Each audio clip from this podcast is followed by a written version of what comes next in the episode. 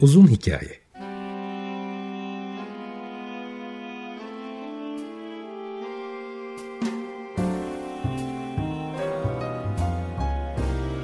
Sinir bilim, psikoloji, felsefe ve müzik.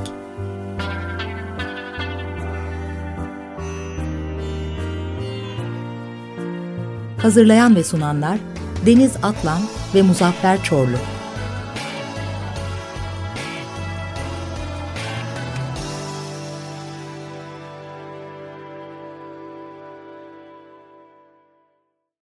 ...95.0 Açık Radyo'dan, Açık Radyo.com.tr ve onun uzun hikayesinden herkese selamlar. Üçüncü aya girdik. Yaklaşık olarak 3 aydır yapay zekayı çeşitli yönleriyle ele alıyoruz. Psikiyatristlerden sporculara kadar, e, tiyatroculara kadar nerelerde nasıl kullanılıyor. Fakat tabii işin olmazsa olmaz yerlerinden bir tanesi de e, bugün hayatta kalmamızın en önemli, en endüstriyel açıdan da en kapsamlı zemini gıda endüstrisi ya da gastronomi diyelim kısaca. Fakat bu öyle noktalara geldi ki artık gastronomi dendiğinde aklımıza ne yiyeceğiz ne içeceğiz değil. Gıda güvenliğinden tutun da e, küresel iklim değişikliğinin gezegenimizi getirdiği hal ki bunun da birinci sorumlusu biz insanlarız. Dolayısıyla hem bizim geleceğimizi e, hem bizden sonraki nesilleri çok ciddi etkiliyor. Dolayısıyla şimdi gastronomi dendiği zaman artık e, lüks bir kavram olmaktan çıkıp aslında bizim e, göz bebeğimiz gibi dikkat etmemiz gereken, kaynakları doğru kullanmamız gereken, hatta artık tükenmiş olan kaynakların bile nasıl alternatif olarak üretileceğini bize düşündüren sorunlar var. İşte bütün bu konuları hem yapay zeka ile de birleştirerek Semih Hakim'le konuşacağız bugün. Semih hoş geldin öncelikle. Hoş bulduk, hoş bulduk. Çok teşekkür ederim davet için. Ben teşekkür ederim. Şimdi tabii Semih e, bir turizm işletme mezunu fakat şef ve bir sürü de e, gastronomi projesine de imza atmış birisi. Gerçekten de internetten kendisiyle bugün tanıştım ama internetten baktığım kadarıyla önemli işler yapıyor. Bir de tabii bizim Açık Radyo'nun e, önemli mottolarından birisi yaklaşık 25 yıldır biz küresel ısıtmayı her yönüyle ele alıyoruz bütün programlarda. Dolayısıyla bugün e, o konuda da hassas olan bir şef var karşımda. O yüzden de ben iki, iki kere memnun oldum seninle tanıştığımıza. Aynı şekilde ben de çok memnun oldum. Şimdi şöyle başlayalım. Önce e, tabii senin e, son yanlış okumadıysam 2020'den bu yana 2-3 yıldır özellikle kök project üzerine çalışıyorsun. Hatta e, onun geliştiricisisin de. Öncelikle bu nedir, ne değildir? Çok kısaca istersen ondan bahsedelim. Sonra sorularım var, muhabbete devam ederiz. Memnuniyetle. E, 2020'den de önce hatta 2015'ten beri biz e, Kök Project üzerine çalışıyoruz. Ortağım Shirley ile birlikte. E, bugün baktığımızda aslında biz Kök Project yani ekibi olarak ekibimizle birlikte e, gıda, tarım, su, enerji e, sektöründe aslında faaliyet gösteren bir yönetim danışmanlığı şirketiyiz e, tanım olarak. Şirketlerle, kamu kuruluşlarıyla, yatırım fonlarıyla çalışıyoruz ve aslında tüm çalışmalarımızda bizim e, kuzey yıldızımız iklim değişikliği. Yani iklim değişikliği, gıda güvenliği, gıda güvencesi konu başlıklarında e, çözüm geliştiren, özellikle teknoloji odaklı çözüm geliştiren girişimcilerin e, güçlendirilmesi, desteklenmesi ve demin saydığım bu şirketler, kamu kuruluşları ve yatırım fonlarıyla aslında işbirlikleri e, geliştirebilmesi üzerine e, faaliyet gösteriyoruz. E, 2015'ten beri de spesifik olarak e, gelişmekte olan ekonomilerde faaliyet gösteriyoruz. Yani bunlar merkezimiz, e, ana merkezimiz hani İstanbul'da, Türkiye'de ama bununla birlikte bugüne kadar Orta Doğu coğrafyası, e, Asya Pasifik, Sahra Altı Afrikası, eski Sovyet bölgesi gibi birçok aslında bölgede faaliyet gösterdik. Bir taraftan da e, nokta atışı aslında bir e, dikeyde ve sektörde faaliyet gösterdiğimiz için bizler gibi birçok kurum e, ve organizasyonlarla uluslararası olarak işbirlikleri geliştirdik. Dolayısıyla bugün baktığımızda bu saydığım coğrafyalarla birlikte işte Amerika, Avrupa, İngiltere, Japonya, Singapur gibi birçok aslında çok geniş bir coğrafyada e, işbirliklerine sahip bir e, organizasyonuz diye e, kök projekti tanımlayabilirim. Peki bu e, daha çok e, saydığın ülkelerden anladığım kadarıyla Avrupa'yı, Amerika'yı dışarıda bırakıyormuş gibi daha çok e, Asya, Pasifik, Orta Doğu, Afrika gibi bir bir sebebi nedir bunun? Bu aslında bizim ilk gün aldığımız bir karardı e, Shirley ile birlikte. Çünkü şunu fark ettik aslında. Yani kök proje nedir, neler yaparız diye biz hani birlikte kafa yormaya başladığımız dönemden itibaren fark ettik bunu. O da şu, dünyada gıda üretiminin, nüfusun ve benzer şekilde gıda güvenliği problemlerinin ve iklim değişikliği etkilerinin en net şekilde yaşandığı coğrafyalar aynı. Bu bize çok ironik geldi. Yani bu kadar gıda üreten, bu kadar yüksek nüfusa sahip olup bir o kadar da çok büyük gıda güvenliği problemleri yaşayan coğrafyalar aynı. Dolayısıyla biz ilk günden itibaren gelişmiş ekonomiler dediğimiz bölgeler yerine gelişmekte olan ekonomiler e, bölgelerine odaklanıp buralarda yerelde teknoloji geliştiren gıda, tarım, su, enerji girişimcilerine yönelik olarak e, çalışmaya başladık ve 2015'ten beri çok spesifik olarak bu coğrafyalarda faaliyet gösteriyoruz. Peki orada sizin e, duruşunuzu söylemiyorum. E, şey olarak e, dünya görüşü açıdan duruşu sormuyorum. Şeyi soruyorum. Bunun sebebiyle ilgileniyor musunuz? Mesela e, Amerika ve Avrupa gibi kaynakları e, özellikle dışarıdan kullanan ve bu işte yani herhalde Orta Çağ'dan bu yana 14-15. gemiler yola çıktığından beri e, Avrupa'nın, Amerika'nın e, gıda kaynakları sadece gıda değil kauçuk bir sürü. Bugün Avrupa'yı Avrupa yapan belki de e, ham maddelerin çoğu ben Belçika'da yaşıyorum ve sadece Belçika'nın sömürdüğü Kongo'nun yıllar boyunca e, Belçika'yı zenginleştirirken Kongo'ya da acılar bıraktığını biliyoruz ama bu hemen hemen her coğrafyada e, Avrupa'nın bir sürü ülkesinde Hollanda'sından Fransa'sına kadar var. E, bu tabii ki kuşkusuz devamı niteliğinde gibi gibi görülüyor. Peki burada inisiyatif alarak bu ülkelerde çalışmanın yani gelişmiş değil de gelişmekte olan ülkelerde çalışmanın e, ana motivasyonu nedir? Tamamıyla aslında demin de söylediğim gibi ya bu problemleri burada görmek ve tabii ki de hani bunlar bir günde oluşmadı. Çok doğru söylüyorsun. Bunlar tarihsel süreç içerisinde oluşan ve önümüzdeki dönemde de çok ciddi varlığını gösterecek aslında problemlerden bahsediyoruz. Ve bu aslında bir taraftan iklim değişikliğinin etkilerini zaten daha fazla e, gözlemlenebildiği coğrafyalar olmasının da e, sebepleri altında. Fakat bizim buradaki aslında bu duruşumuz diye bahsettiğimiz kısım bizim özellikle baktığımız nokta lokalde alınan inisiyatiflerin ve geliştirilen teknolojilerin lokalde güçlendirilmesi ve lokaldeki e, gıda tarım şirketlerine ve kurumlara erişilebilir hale gelmesi. Çok basit birkaç örnek vereyim. Özellikle başarılı girişimcilerin, ben bahsettiğim coğrafyalarda başarılı girişimcilerin e, genellikle teknoloji geliştirdikten sonra Avrupa'ya, Amerika'ya açılmak ve tabii ki de haklı olarak daha yüksek ölçekte e, gelir elde etmek, para kazanmak ve şirketin tabii ki de ölçeklenmesi için birçok aslında fırsat e, kovalama hedefiyle taşınabiliyorlar. Şimdi bu durum teknoloji odaklı birçok girişimde çok mümkün ve tabii ki de coğrafya bağımsız çalışma gerçekleştirmek gayet mümkün. Fakat gıda tarım gibi su gibi, enerji gibi teknolojiler çok temel teknolojiler ve insan hayatını ve otomatik olarak ilerleyen dönemde de gıda güvenliğini ve gıda güvencesini etkileyen konu başlıkları. Dolayısıyla buralarda çözüm geliştiren teknoloji girişimlerinin, örneğin Tunus'ta teknoloji geliştiren bir girişimcinin Fransa'ya taşınması demek bu teknolojinin Fransa'da başarılı olabilir elbette ama Tunus'taki erişiminin azalması anlamına geliyor. Bu durumda lokaldeki aslında gıda tarım şirketlerinin, işte kamunun ve benzer inisiyatiflerin daha geç e, iklim adaptasyonu süreci yaşamaları ve aslında bu sebeple de aslında kümülatifte çok daha büyük e, bölgesel gıda güvenliği problemlerinin oluşmasına sebep oluyor. Dolayısıyla her şey birbirine bağlı.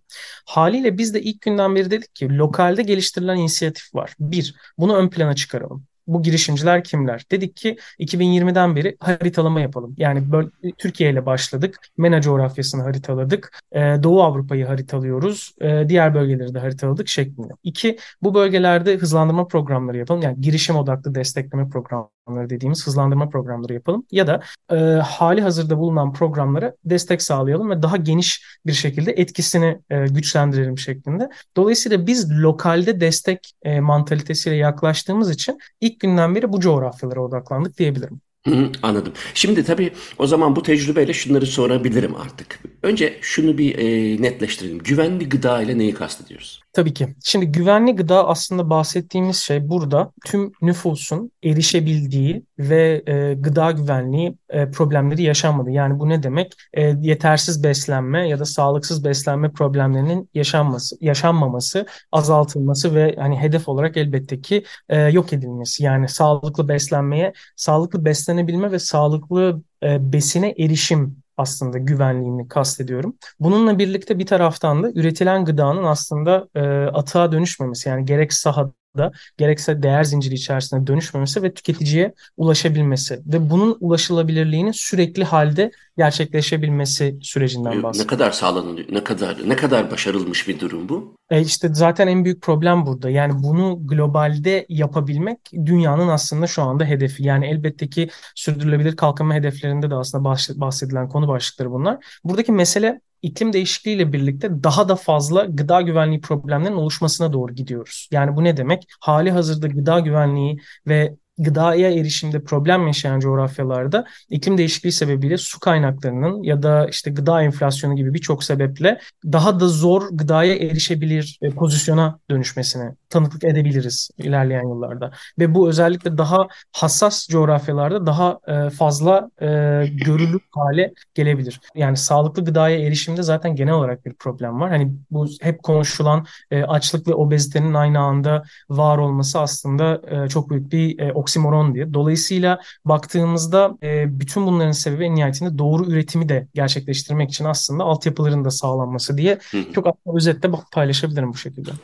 Aslında son e, kurduğun cümleyle ilgili soracağım soru programın ilerleyen dakikalarda gelecekti ama şimdi hazır gelmişken söyleyeyim. Şimdi e, güvenli gıdadan kastını anlıyorum daha çok kaynağıyla ilgili ve de işte yani ulaşımında herkese eşit anlamlı şekilde ulaşmasındaki tüm e, konsepti ilgilendiriyor. Fakat benim gördüğüm e, işin içinde farkındalık durumu da e, primer bir e, rol oynuyor. Mesela Amerika Birleşik Devletleri'nde ben daha yeni baktığım için söylüyorum. E, öyle bir e, beslenme problemi söz konusu ki hemen hemen her şeyin içinde aşırı derecede şeker veya tuz ya da sodyum e, var iken yani Amerika Birleşik Devletleri'nin 350 milyonluk e, bir ülke ve de gelişmiş ülkeler sıralamasında ilk beşte belki de. Fakat e, bir bakıyorsunuz öte yandan e, ilk yüze bile giremeyen bir ülkedeki problemle aynı problemleri yaşıyor. Dolayısıyla şimdi Amerika Birleşik Devletleri'nde eğer tabii büyük bir konspirisi yoksa bunun arkasında insanlara şey satmak gibi, bazı ilaçları satmak gibi bilinçli bir şey yoksa şimdi bilmeden e, söylemek istemem çünkü bilmiyorum ama bunu çok okudum. Böyle ya da değil fark etmez ama görüyorum ki ülkenin ne kadar gelişmiş olduğu o ülkedeki e, insanları ne kadar dengeli besleneceğiyle ilgili bir ipucu vermiyor. Eğer Amerika'yı gelişmiş ülkeler kategorisine koyarsak. Bunu neye bağlıyoruz? O zaman tamam güvenli gıda var. Amerika Birleşik Devletleri istediği kadar halkına sağlıklı beslenebileceği, işte günde alması gereken proteini elementleri neyse düzgün verebileceği bir ekonomiye sahip. Fakat bu tercih mi edilmiyor?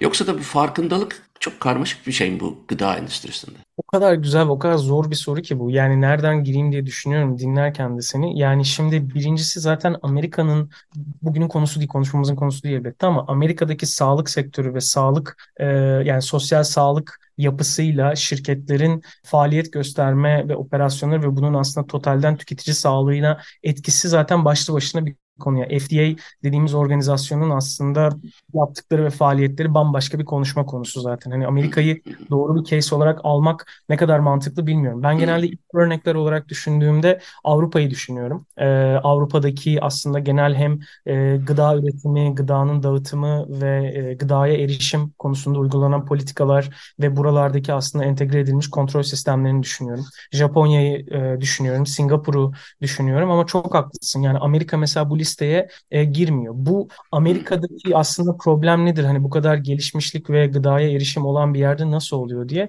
Bir noktada belki nüfusa da bakmak lazım. Yani Amerika dediğimiz coğrafya 450 milyon gibi bir nüfus var galiba. Yanlış 350 aşağı yanlış.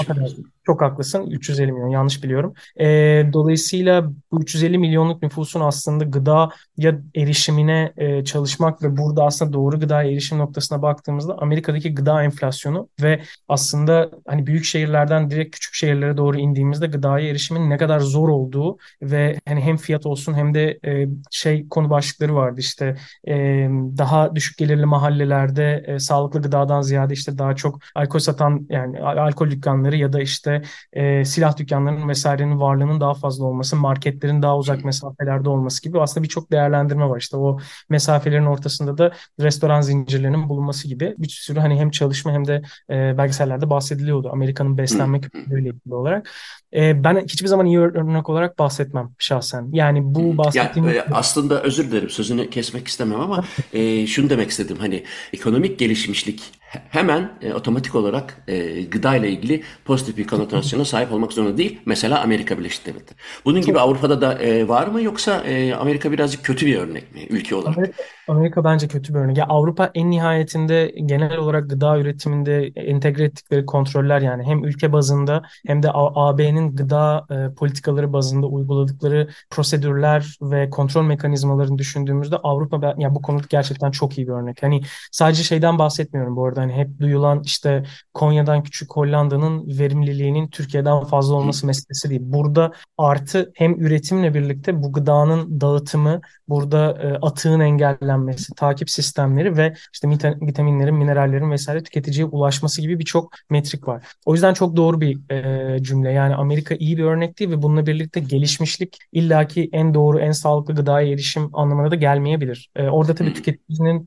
tüketim kültürü de e, mesele. Hani yıllardır sağlıklı tüketim konu başlığı zaten hani bir şekilde tartışılıyor ve orada da başka bir tabii marketing ve bir pazar var en nihayetinde. E, gıda şirketlerinin ve gıda girişimlerinin de tabii elbette uyguladığı. Fakat temelde e, yani özellikle 80'lerden itibaren gıda sanayileşmesinin de büyümesiyle birlikte global olarak aslında beslenme kültürümüzünde de ciddi değişiklikler oldu. Ee, yani porsiyonların büyümesi, senin bahsettiğin gibi daha fazla şeker, daha fazla tuzun tüketilmesi gibi. Dolayısıyla topyekün bir e, dönüşüm oldu bu 40 e, sene içerisinde. Ve biz bir şekilde aslında bundan şu anda geri dönmeye çalışıyoruz. Gerek kamu politikalarıyla, gerekse aslında kişisel tercihlerimizle. Şimdi aslında bazı e, yiyecek modelleri ya da e, diyet şekilleri küresel ısınmayla ilişkilendirilebilecek bazı özelliklere sahip. Örneğin veganlar ya da bazı veganların e, iddialarında çok önemli bir kısmında haklı buluyorum kişisel olarak. Gıdayı daha doğrusu hayvancılık sektörünün dünyaya verdiği zararı temiz su kaynaklarından oksijene kadar, karbon ayak izine kadar ne kadar e, canlı katletmenin ne bir girmiyorum bile. 80 küsür milyar sadece karasal hayvanı öldürmesine girmiyorum bile ama bunların üretilmesi sırasında doğaya e, verdiğimiz zarar korkunç boyutlarda ve küresel ısınmanın önemli e, sebeplerinden bir tanesi de bu. Fakat evet. şimdi buna ilişkin olarak hani buraya takılmadan e, mısır üretiminde de korkunç bir e, su kaybı yaşanıyor. Bir o kadar işte e, soya e, üretimi de aslında e, böyle çok da sağlıklı çünkü 8 milyarlık insana ulaşmak zorunda olduğu anda problemler başlıyor. Şimdi birazdan yiyeceğin bu bağlamda geleceğine bakmak istiyorum. Böyle giderse bu iş nereye gider? Çünkü e, beni korkutan şeylerden bir tanesi artık bilimsel bir fact haline gelmiş ki 50 yıl önce de gelmişti bu küresel ısınma işi ama şimdi nasıl olduysa artık herhalde yumurta kapıya gelince e, birçok kişinin artık konu eder e, hale geldiğini görüyorum küresel ısınmayı ya da bizim değişimizde küresel ısıtmayı.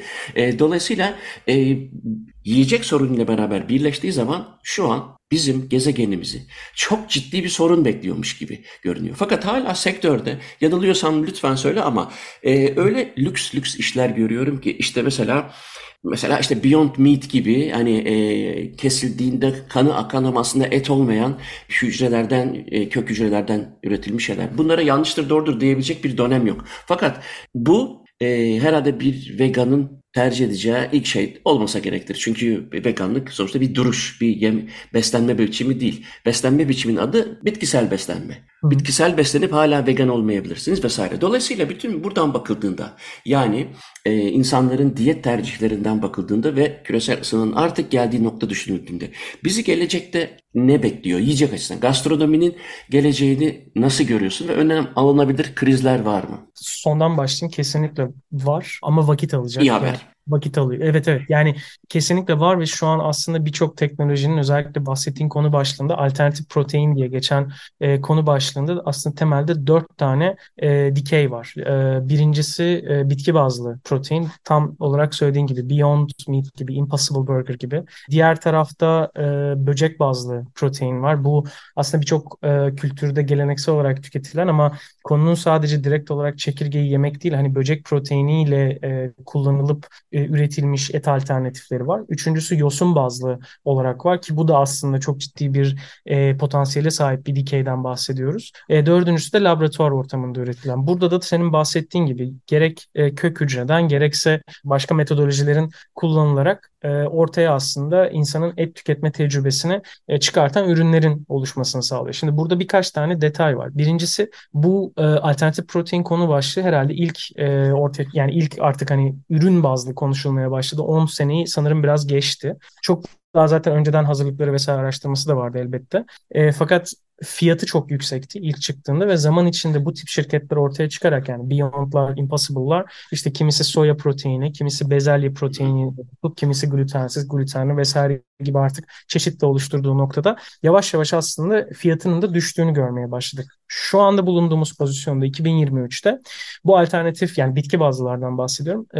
et ürünleri hala yani gerçek hayvan bazlı et ürünleriyle rekabet edebilecek bir fiyat politikasında değil. Bu 5-10 sene içerisinde çok, çok daha pahalı demek istiyorsun. Aynen öyle. Çok daha pahalı. Dolayısıyla bu konuda hani daha e, genel bir tüketim için bu ürünleri tüketmek için hala çok pahalı. Yani etten kat kat pahalı. E, Avrupa'da da pahalı, Amerika'da da pahalı, hani Singapur'da da pahalı. Fakat e, burada tam olarak bahsettiğim gibi hani tüketici tercihleri ve istekleri de ön plana çıkıyor. E, ama şu gerçek var. O kısımda da tam dediğine bağlamak istiyordum. Senin de söylediğin gibi yani e, hayvansal üretimde yaşanan problemler elbette ki Mısır'da, soyada, pirinçte, e, buğdayda da yaşanıyor. Biz hatta ufak bir iki saniye parantez için tam bununla ilgili e, geçtiğimiz senelerde bir rapor yayınlamıştık biz Kök Project'te. E, soya, mısır, e, pirinç ve buğdayın su ayak izi globalde diye hakikaten oturup incelemiştik birçok şeyi. Açık rapor bu arada web sitemizden indirilebilir. E, şunu söyleyecektim. Onu bir söyleyelim mi web sitenizi e, ilgilenenler olursa?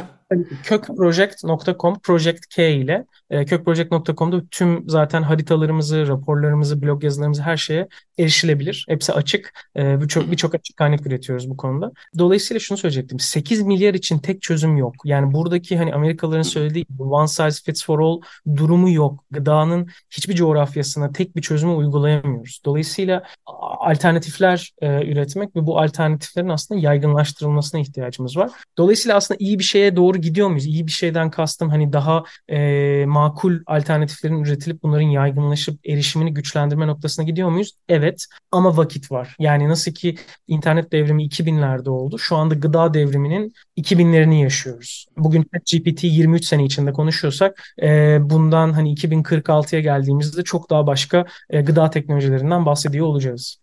O teknoloji meselesine müzik arasından sonra girelim. Ben şeyi seçtim. Ee, eskiden çok severdim. Frasier diye bir dizi vardı. Bilmem duydun mu? Ben, ben Onun bayıldım. oyuncusu aynı zamanda şarkıyı da söylüyor. Baştaki Kelsey Grammer'dan söyleyelim. Toast Salad and Scrambled Eggs. Sonra devam edeceğiz. Kelsey Grammer'dan dinledik. Toast Salad and Scrambled Eggs. Şimdi Semi Hakim'le konuşuyoruz gıdanın geleceğini de girmiş olduk ama ben işte o konuyu şöyle açayım.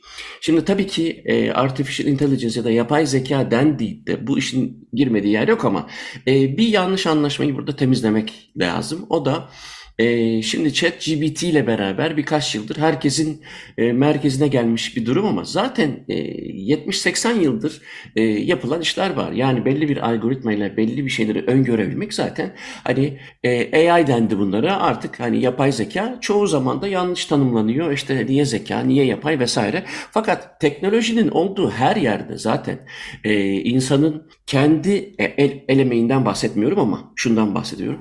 E, ki nörogastronomi denen olayı düşünürsek işte o Charles Spencer'leri vesaireleri e, insanların gıda tercihlerini seslerle nasıl değiştirdiğini, kokuyla birlikte e, insanların tercihlerini nasıl değişebildiğini, hatta gördüğü bir görselle e, yemek tercihini nasıl yapabileceğini, duyduğu hayvan sesiyle vesaire bunlar zaten e, nörogastronomi denen alanın yani insanın gıdasını değiştirmeden insan zihninin o gıdaya karşı algısını değiştirebilmeyi hedeflediği anda zaten fMRI'ler kullanılıyor. Bir sürü e, teknik işte magnetik rezonanslarla beyin grafikleri çekiliyor, skenleri alınıyor vesaire. Dolayısıyla kişinin tercihleri yapılabiliyor. E şimdi bu büyük bir data artık. Bu datadan da bir e, yapay zeka algoritması uygulayıp kişinin ne giydiğine göre ne yiyebileceğini tahmin etmek mümkün. Bunları ben çok sıkıcı buluyorum. O yüzden de hani yapay zekanın bu tarafına fazla girmek istemiyorum. Fakat şu tarafına girmek isterim. Sonuçta computation Educational dediğimiz e, ve şu anda teknolojiyi ve inovasyonu son derece ilgilendiren bir yöntem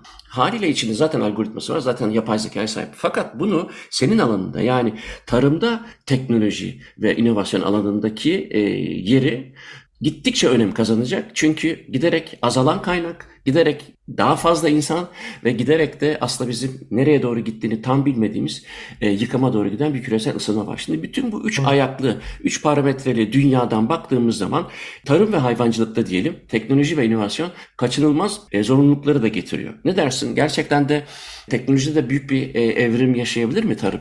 Kesinlikle aslında şu an içindeyiz. Özellikle hani son bir 5 6 7 senedir hatta biraz daha fazladır çok ciddi bir e, şekilde tarım teknolojileri sahada sahada da karşılık bulmaya başladı. Globalden bahsediyorum. Hani yavaş yavaş oluşan bir e, dönüşümden bahsediyoruz şu anda. Buradaki dönüşümün aslında temel noktası tam olarak bahsettiğin gibi kaynakların optimumda kullanılması, elimizdeki suyu verimli kullanmak, enerjiyi doğru kullanmak ve yapabiliyorsak hani yenilenebilir enerji kaynaklarından bu e, çalışmayı gerçekleştirebilmek ve adım adım aslında e, insan faktörünü üretimden yavaşça e, çıkartıp yerine aslında otomasyonu, robotları eklediğimiz bir tarımsal bir gıda tarım üretiminden aslında bahsetmeye başlıyoruz ve ilerleyen yıllarda bunu daha e, göze çarpar şekilde göreceğiz. Fakat burada bu AI e, konusundan bahsedecek olursam aslında en kilit detay hem kaynakların doğru kullanımı hem de aslında projeksiyonlar. Mikro iklim e, sebebiyle yaşanan e, rekolte kayıpları gibi ya da yeri geldiğinde iklim değişikliği ve artan hani sıcaklıklar sebebiyle ortaya çıkan yeni hastalıklar, yeni böcekler ya, yani yeniden kastım normalde bir coğrafyada olmayıp başka bir coğrafyada görülen bir hastalığın bir anda artan ısılar sebebiyle yaşanması ve büyük rekolte kayıplarına sebep olması gibi e, durumlar hep aslında bu e, iklim değişikliğinin etkileriyle ortaya çıkıyor ve bu çok ciddi gıda e, güvenliği problemlerine de sebep olabilir. Burada AI'ın sağladığı şey bir noktada aslında hem daha önceki yani tabii zaman içinde olacak bir şeyden bahsediyorum. E, daha önceki üretim e, datalarını e, alıp yani toprak bilgisi, hava bilgisi, e, işte su e, bilgisi, toprak nemliliği bilgisi, işte hastalık bilgisi, böcek e, problemi gibi bilgilerin hepsinin e, toparlandığı, rekoltenin e, hesaplandığı ve işin sonunda projeksiyon projeksiyonla 5 sene içerisinde olabilecek işte hava projeksiyonuyla burada oluşabilecek üretim budur şeklinde sonuca varabilmek. Yani normal şartlarda diyelim ki e, kayısı üretebildiğiniz bir coğrafyada 10-15 sene içerisinde kayısı üretemiyorsanız onun yerine alternatif ne üretmelisiniz ve neye yatırım yapmalısınız? Aslında o projeksiyonun da ortaya hmm. çıkabilmesini sağlıyor. Çünkü aslında buradaki en önemli kısım yani iklimle ilgili en en önemli kısım hani adaptasyon süreci. Çünkü şu an engellemek yani mitigation dediğimiz kısım için biraz hani hem tren hani bir noktada kalktı bir noktada da aslında e, mitigation çok daha büyük ölçekte yatırımlarla çok daha büyük ölçekte çalışmalarla ortaya çıkabilir. Ancak adaptasyon dediğimiz süre çok temel bir şekilde bu teknolojilerin aslında uygulanması ve değişen koşullara uygun üretim yapabilmeyle ortaya çıkıyor. Haliyle bu teknolojilerin sahip olduğu en önemli rol de bu. Yani eldekiyle maksimum verime nasıl ulaşabiliriz ve minimum rekolte kaybı, minimum gıda kaybını nasıl gerçekleştirebiliriz diye.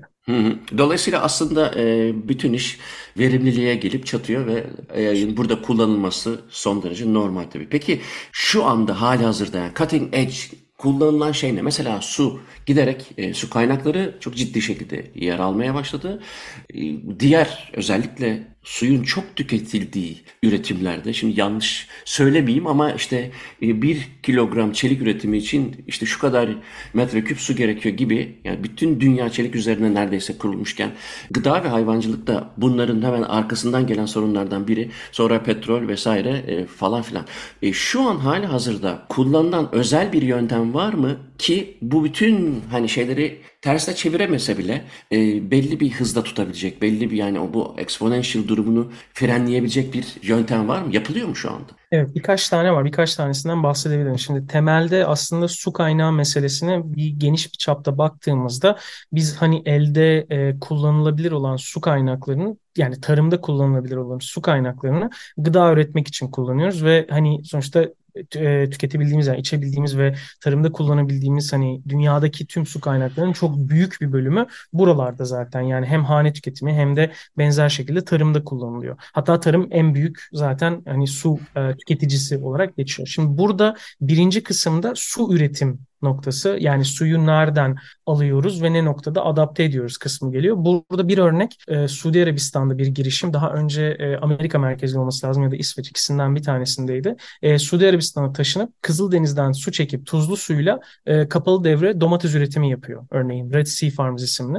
Normal şartlarda deniz suyuyla tarım yapma e, konusu hani yıllardır denenen, uygulanmaya çalışılan farklı ölçeklerde denenmiş bir e, girişim baktığımızda ve hani dünyadaki aslında denizlerin, deniz sularının tarıma kullanılabilir hale getirilmesi ve prosesin aslında ölçeklenebilir bir noktaya gelmesi demek aslında bizim çok ciddi bir su kaynağını elverişli hale getirmemiz anlamına geliyor. Bir kere bu zaten topyekun bir dönüşüm. İkinci tarafta baktığımızda tüketilen atık suyun tekrardan e, kazandırılması, arıtılması ve bu atık suyla tarım yapılması. Yani bu ne demek? Bir e, yosun üretimi için atık suyun kullanılması üzerine çalışan birçok girişim var. E, burada üretilen yosunlarla yem olabilir, hayvancılıkta kullanılan ya da e, insan tüketimi için de olabilir ya da enerji için olabilir. Yani biyodizel vesaire gibi noktalara gidiyoruz. Diğer kısımda suyun e, filtre edilerek, temizlenerek tekrardan tarım için kullanılabilir hale getirilmesi ya da insan tüketimi için uygun hale getirilmesi gibi. Yani tüm iki tarafında aslında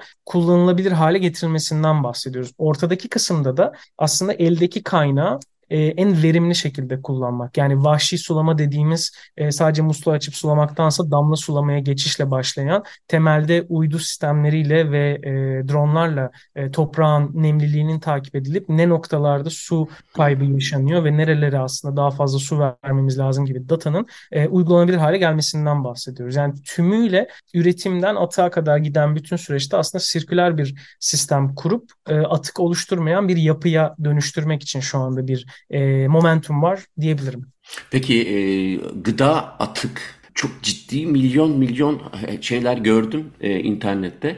E, bunun önüne geçilmesi için bir şey var mı? Yapılıyor mu ya da? Evet ya o konuda da gerçekten çok heyecan verici girişimler var. Aslında konuyu ikiye ayırabiliriz orada. Birincisi sahada e, gerçekleşen hani gıda kaybı, e, daha sonra hanede ya da işte marketlerde gerçekleşen gıda atığı şeklinde ayırabiliriz. Saha kısmında yani üretilen gıdanın hani 1 bölü 3'ü zaten atığa dönüşüyor. Hani bu Birleşmiş Milletler'in rakamlarında da araştırmalarında da çok sıkça bahsedilir. E, bu atığın aslında sahada gerçekleşmesinin sebebi taşımada yaşanılan problem, e, depolamada yaşanan problem problem üretim sırasında hani sonrasında işte hasat sonrası süreçte yaşanan e, kayıplar gibi birçok kayıp sebebiyle aslında daha e, değer zincirine ulaşmadan ya da tüketiciye markete ulaşmadan bir sürü kayıp yaşanıyor. Buralarda mesela çeşitli geliştirilen çözümler var. Geri geldiğinde biyoteknoloji olarak, geri geldiğinde e, takip sistemleri olarak. Biyoteknoloji noktasında hani ürünün hasat sonrası temizlik esnasında kullanılan solüsyonlarla raf ömrünü, SKT'sini yani raf ömrünü uzatmak ve sahadaki kaybı engellemek engellemek için olan var. Takip sistemleriyle doğru depolama ve doğru değer zinciri içerisinde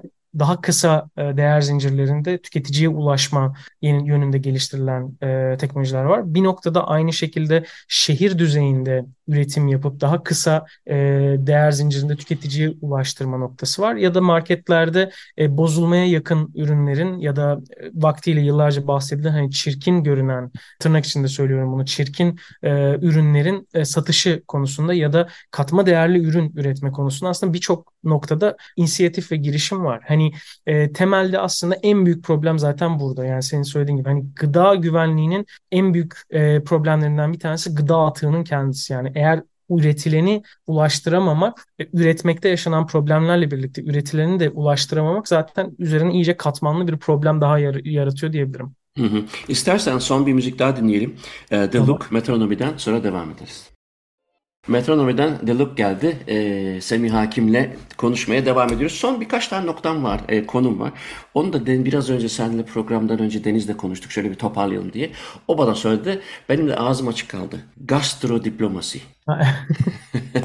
ne demek bu Allah aşkına? Yani e, büyük elçilik düzeyinde e, bir ya da nedir ya? Hiç, hiç e, evet. müdahale olmadan sorayım. Süper. Ya şu çok aslında çok enteresan bir konu başlığı bu. E, iki ülkenin e, ortak e, mutfak e, kültürü diyelim ya da ortak mutfak faaliyeti içerisinde birbirleriyle e, reçete paylaşma olsun, yemek kültürünü paylaşma ve aslında bir şekilde iletişim üretme diye çok aslında temel noktadan paylaşabilirim bunu. Bir vaktiyle e, Polonya'nın örneğin Polonya-Türkiye ilişkilerinin 600. yılı çerçevesinde Türkiye'den şefler, Polonyalı şefler birlikte bir proje projede e, yer almıştım. Burada özellikle karşılıklı ilham alma, doğayı kullanma, reçeteler ve bu noktada aslında birlikte bir e, kitap e, yazılmıştı, geliştirilmişti.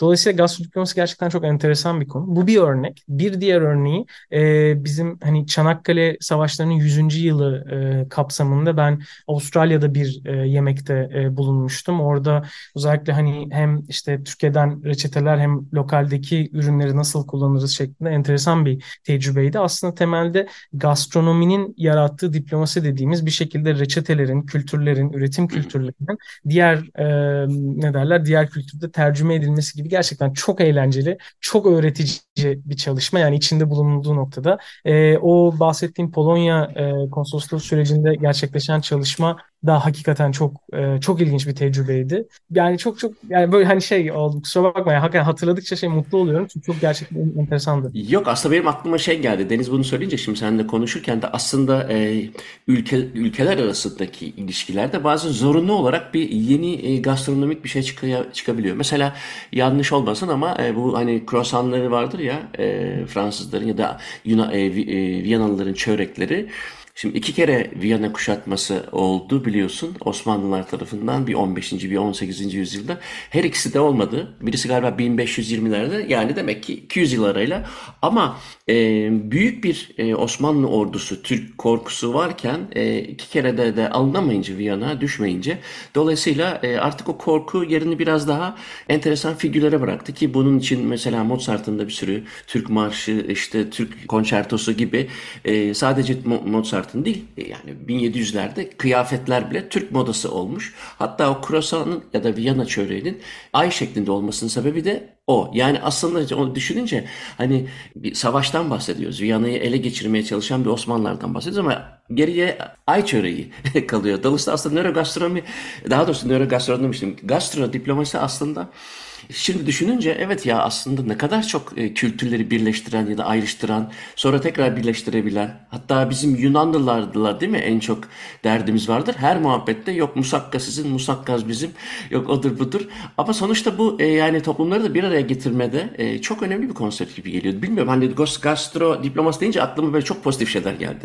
Yok kesinlikle çok pozitif bir konu başlığı zaten gerçekten de öyle. Başka bir örnekten bahsedeyim. Macaristan konsolosluğuyla olan bir çalışmadan bahsedeyim. Burada e, Macaristan'dan bir e, araştırmacının yaptığı bir çalışmaydı bu. Ben de e, destek olmuştum. Elma Paprika'ydı ismi. Elma Paprika Elma aslında, Paprika. Evet, elma paprika bizdeki Türkçe'de hani birebir olduğu gibi aslında aynı kelimeler Macarca'da aynı anlama geliyor. Dolayısıyla zaman içinde Macaristan'la e, Türkiye arasında yani Osmanlı coğrafyasında birçok aslında Macar'ın hani işte İstanbul'a gelmesi burada hala Macar kökenli ailelerin bir komünitenin olması ve o tarafta da aslında birçok e, Türkçe kelimenin gıdada, yemeklerde ve birçok şeyde aslında var olması gibi çok ciddi bir aslında yakınlık var Macaristan ve Türkiye arasında. Dolayısıyla mesela baktığımızda oradaki bazı reçetelerin de benzer şekilde e, Osmanlı'dan olan, e, oradan kalan ve o kültürün aslında o coğrafyadan olan parçalardan oluştuğunu da görebiliriz. Mesela gulaşın gul, kul aşı olabilmesi gibi benzer şekilde e, birçok aslında benzerlik e, birçok böyle kulağa çok tanıdık gelen ama aslında birebir an, aynı anlama gelen e, kelimeler de var gıdada yine. Dolayısıyla hani çok bence bence pozitif bir şey e, diplomasi başlı başına ve gerçekten yani dünyada ha, yani dünyadaki çatışmaları aslında gıda e, da tek masada oturmak ve gıda paylaşmak işte ekmeğini paylaşmak konu başlıklarına örneklerini verdiğimiz zaman hakikaten aslında insanları her koşulda her türlü geçmişten ve hani background'a sahip kişinin de bir araya gelebileceği bir masadır zaten yemek e, ve dolayısıyla gastro çok güçlü bir şey. Hatta çok belki çok dağıttım kusura bakma ama biraz hani sevdiğim bir örnektir. Ee, yok yok gayet gayet de, tam e, şeyde ya aslında dediğin doğru ya iş yemeği diye bir şey vardır. Yani tabii, e, dolayısıyla e, ciddi şeyleri konuşmak masa etrafında daha da hoşlaştırıyor. Lütfen devam et. Kesinlikle sadece şu örneği de paylaşacaktım. Çok ünlü bir kitap vardı. Özellikle hani birçok aşçı da bilir, bilir bunu söyleyince bilecektir. Restoranın icadı diye. Restoranın icadını hani bir restoranın Fransa'da nasıl oluştuğu, hani ilk restoranın ne anlama geldiği, nasıl geliştiğini anlatan bir bir kitaptır. Çok güzel bir kitaptır bu arada. Orada mesela Hangisi? Şey, çok ilgimi çekti. Restoranın restoran, icadı. Restoranın Türkçe icadı. Türkçe mi bu kitap? Türkçesi var, Türkçesi var. Aha. Ha, tamam, okay. Türkçesi var. Ee, ya rahatlıkla bulunabilir. Çok güzel bir kitaptır gerçekten. Ay, e, tam... Kim yazarı kim yani? Fransız mı, Türk mü? Onun için soruyorum. hatırlamıyorum. Yok, Türk değil. Ha, okay. Ee, tamam. Aa, Türk değil. Tamam, tamam bulurum. Restoranın icadı. Invention of Restaurant herhalde. Büyük bir ihtimal olur. Şey. Bu, bulurum, bulurum. Aynen ama şey hani restoran icadı yazınca çıkar. Orada mesela şeyden bahseder. Fransız ihtilalinin fikrinin e, aslında tüm ülkenin tek bir masada birlikte oturup yemeğini paylaşması fikrinden oluştuğu. E, çok kötü telaffuz edeceğim şu an hissettim ama La Grande Table diye geçer. Yani büyük masa Büyük e, masa. olarak geçer. E, dolayısıyla e, masa paylaşmak, gıda paylaşmak ya gastronom gastro diplomasi meselesi sadece ülkeler arası bir diplomasiyle aynı zamanda insanlar arası da ciddi bir e, diplomasiye sebep olmakta. Dolayısıyla o kitapta da çok güzel anlatır bu fikrin nasıl geliştiğini, işte restoranın nasıl e, etkilediğini, restoran varlığının nasıl insanları bu e, ihtilale kadar götürdüğünü, tetiklediğini falan anlatır. E, çok iyi kitaptır, onu da tavsiye ederim yani. Aslında biraz önce o işte Le Grand Table dediğin zaman hani büyük masa değil de acaba şey diye mi çevirseydik onu? Çünkü kons, e, konteks gereği büyük masa değil de o sanki büyük sofra. E, daha da bir ikircikten. Çünkü biz ben Türkçe'de çok sevdiğim kelimelerden bir tanesi e, masayı işte o dört ayaklı işte yuvarlak ya da dikdörtgen neyse bir e, oluşumdan çıkarıp üzerine yemek koyduğun anda e, onun adı artık sofra olur ve e, yer sofrası da olabilir. Sonuçta herhangi bir yemeklerin olduğu düzlem belki de ama kesin okuyacağım o kitabı. Çok ilgimi çekti. Tavsiye ederim. Hakikaten çok ilginç. Evet evet evet okuyacağım. Ee, çok güzel bir sohbet oldu. Çok şey öğrendim. Ee, Semih hakikaten iki katıldın. Bu yeni işte bu kök projeye yeni yeni şeyler çıktığında tekrar e, buluşalım. Tekrar izleyicilere, dinleyicilere aktarmaya devam edelim. Memnuniyetle ne zaman istersen. Çok teşekkür ederim davet için tekrar. Ben teşekkür ederim. Bugün e, şef ve de hadi şey diyelim projeci e, Semih Hakim'le birlikte e, güvenli gıdadan alternatif yemek ve işte protein kaynaklarına yemeğin, yiyeceğin geleceğine e, kadar hatta e, gastrodiplomasiye kadar geniş bir alanda sohbet ettik. Umarım keyif almışsınızdır. Bana ulaşmak için Muzaffer Coğlu Gmail, ya da Deniz Atlam Gmail adresine yazabilirsiniz. Açık Radyo bu programı Spotify'a koyacak. Ben de görüntü olarak YouTube'a koyacağım. Haftaya görüşürüz. Hepinize günaydın.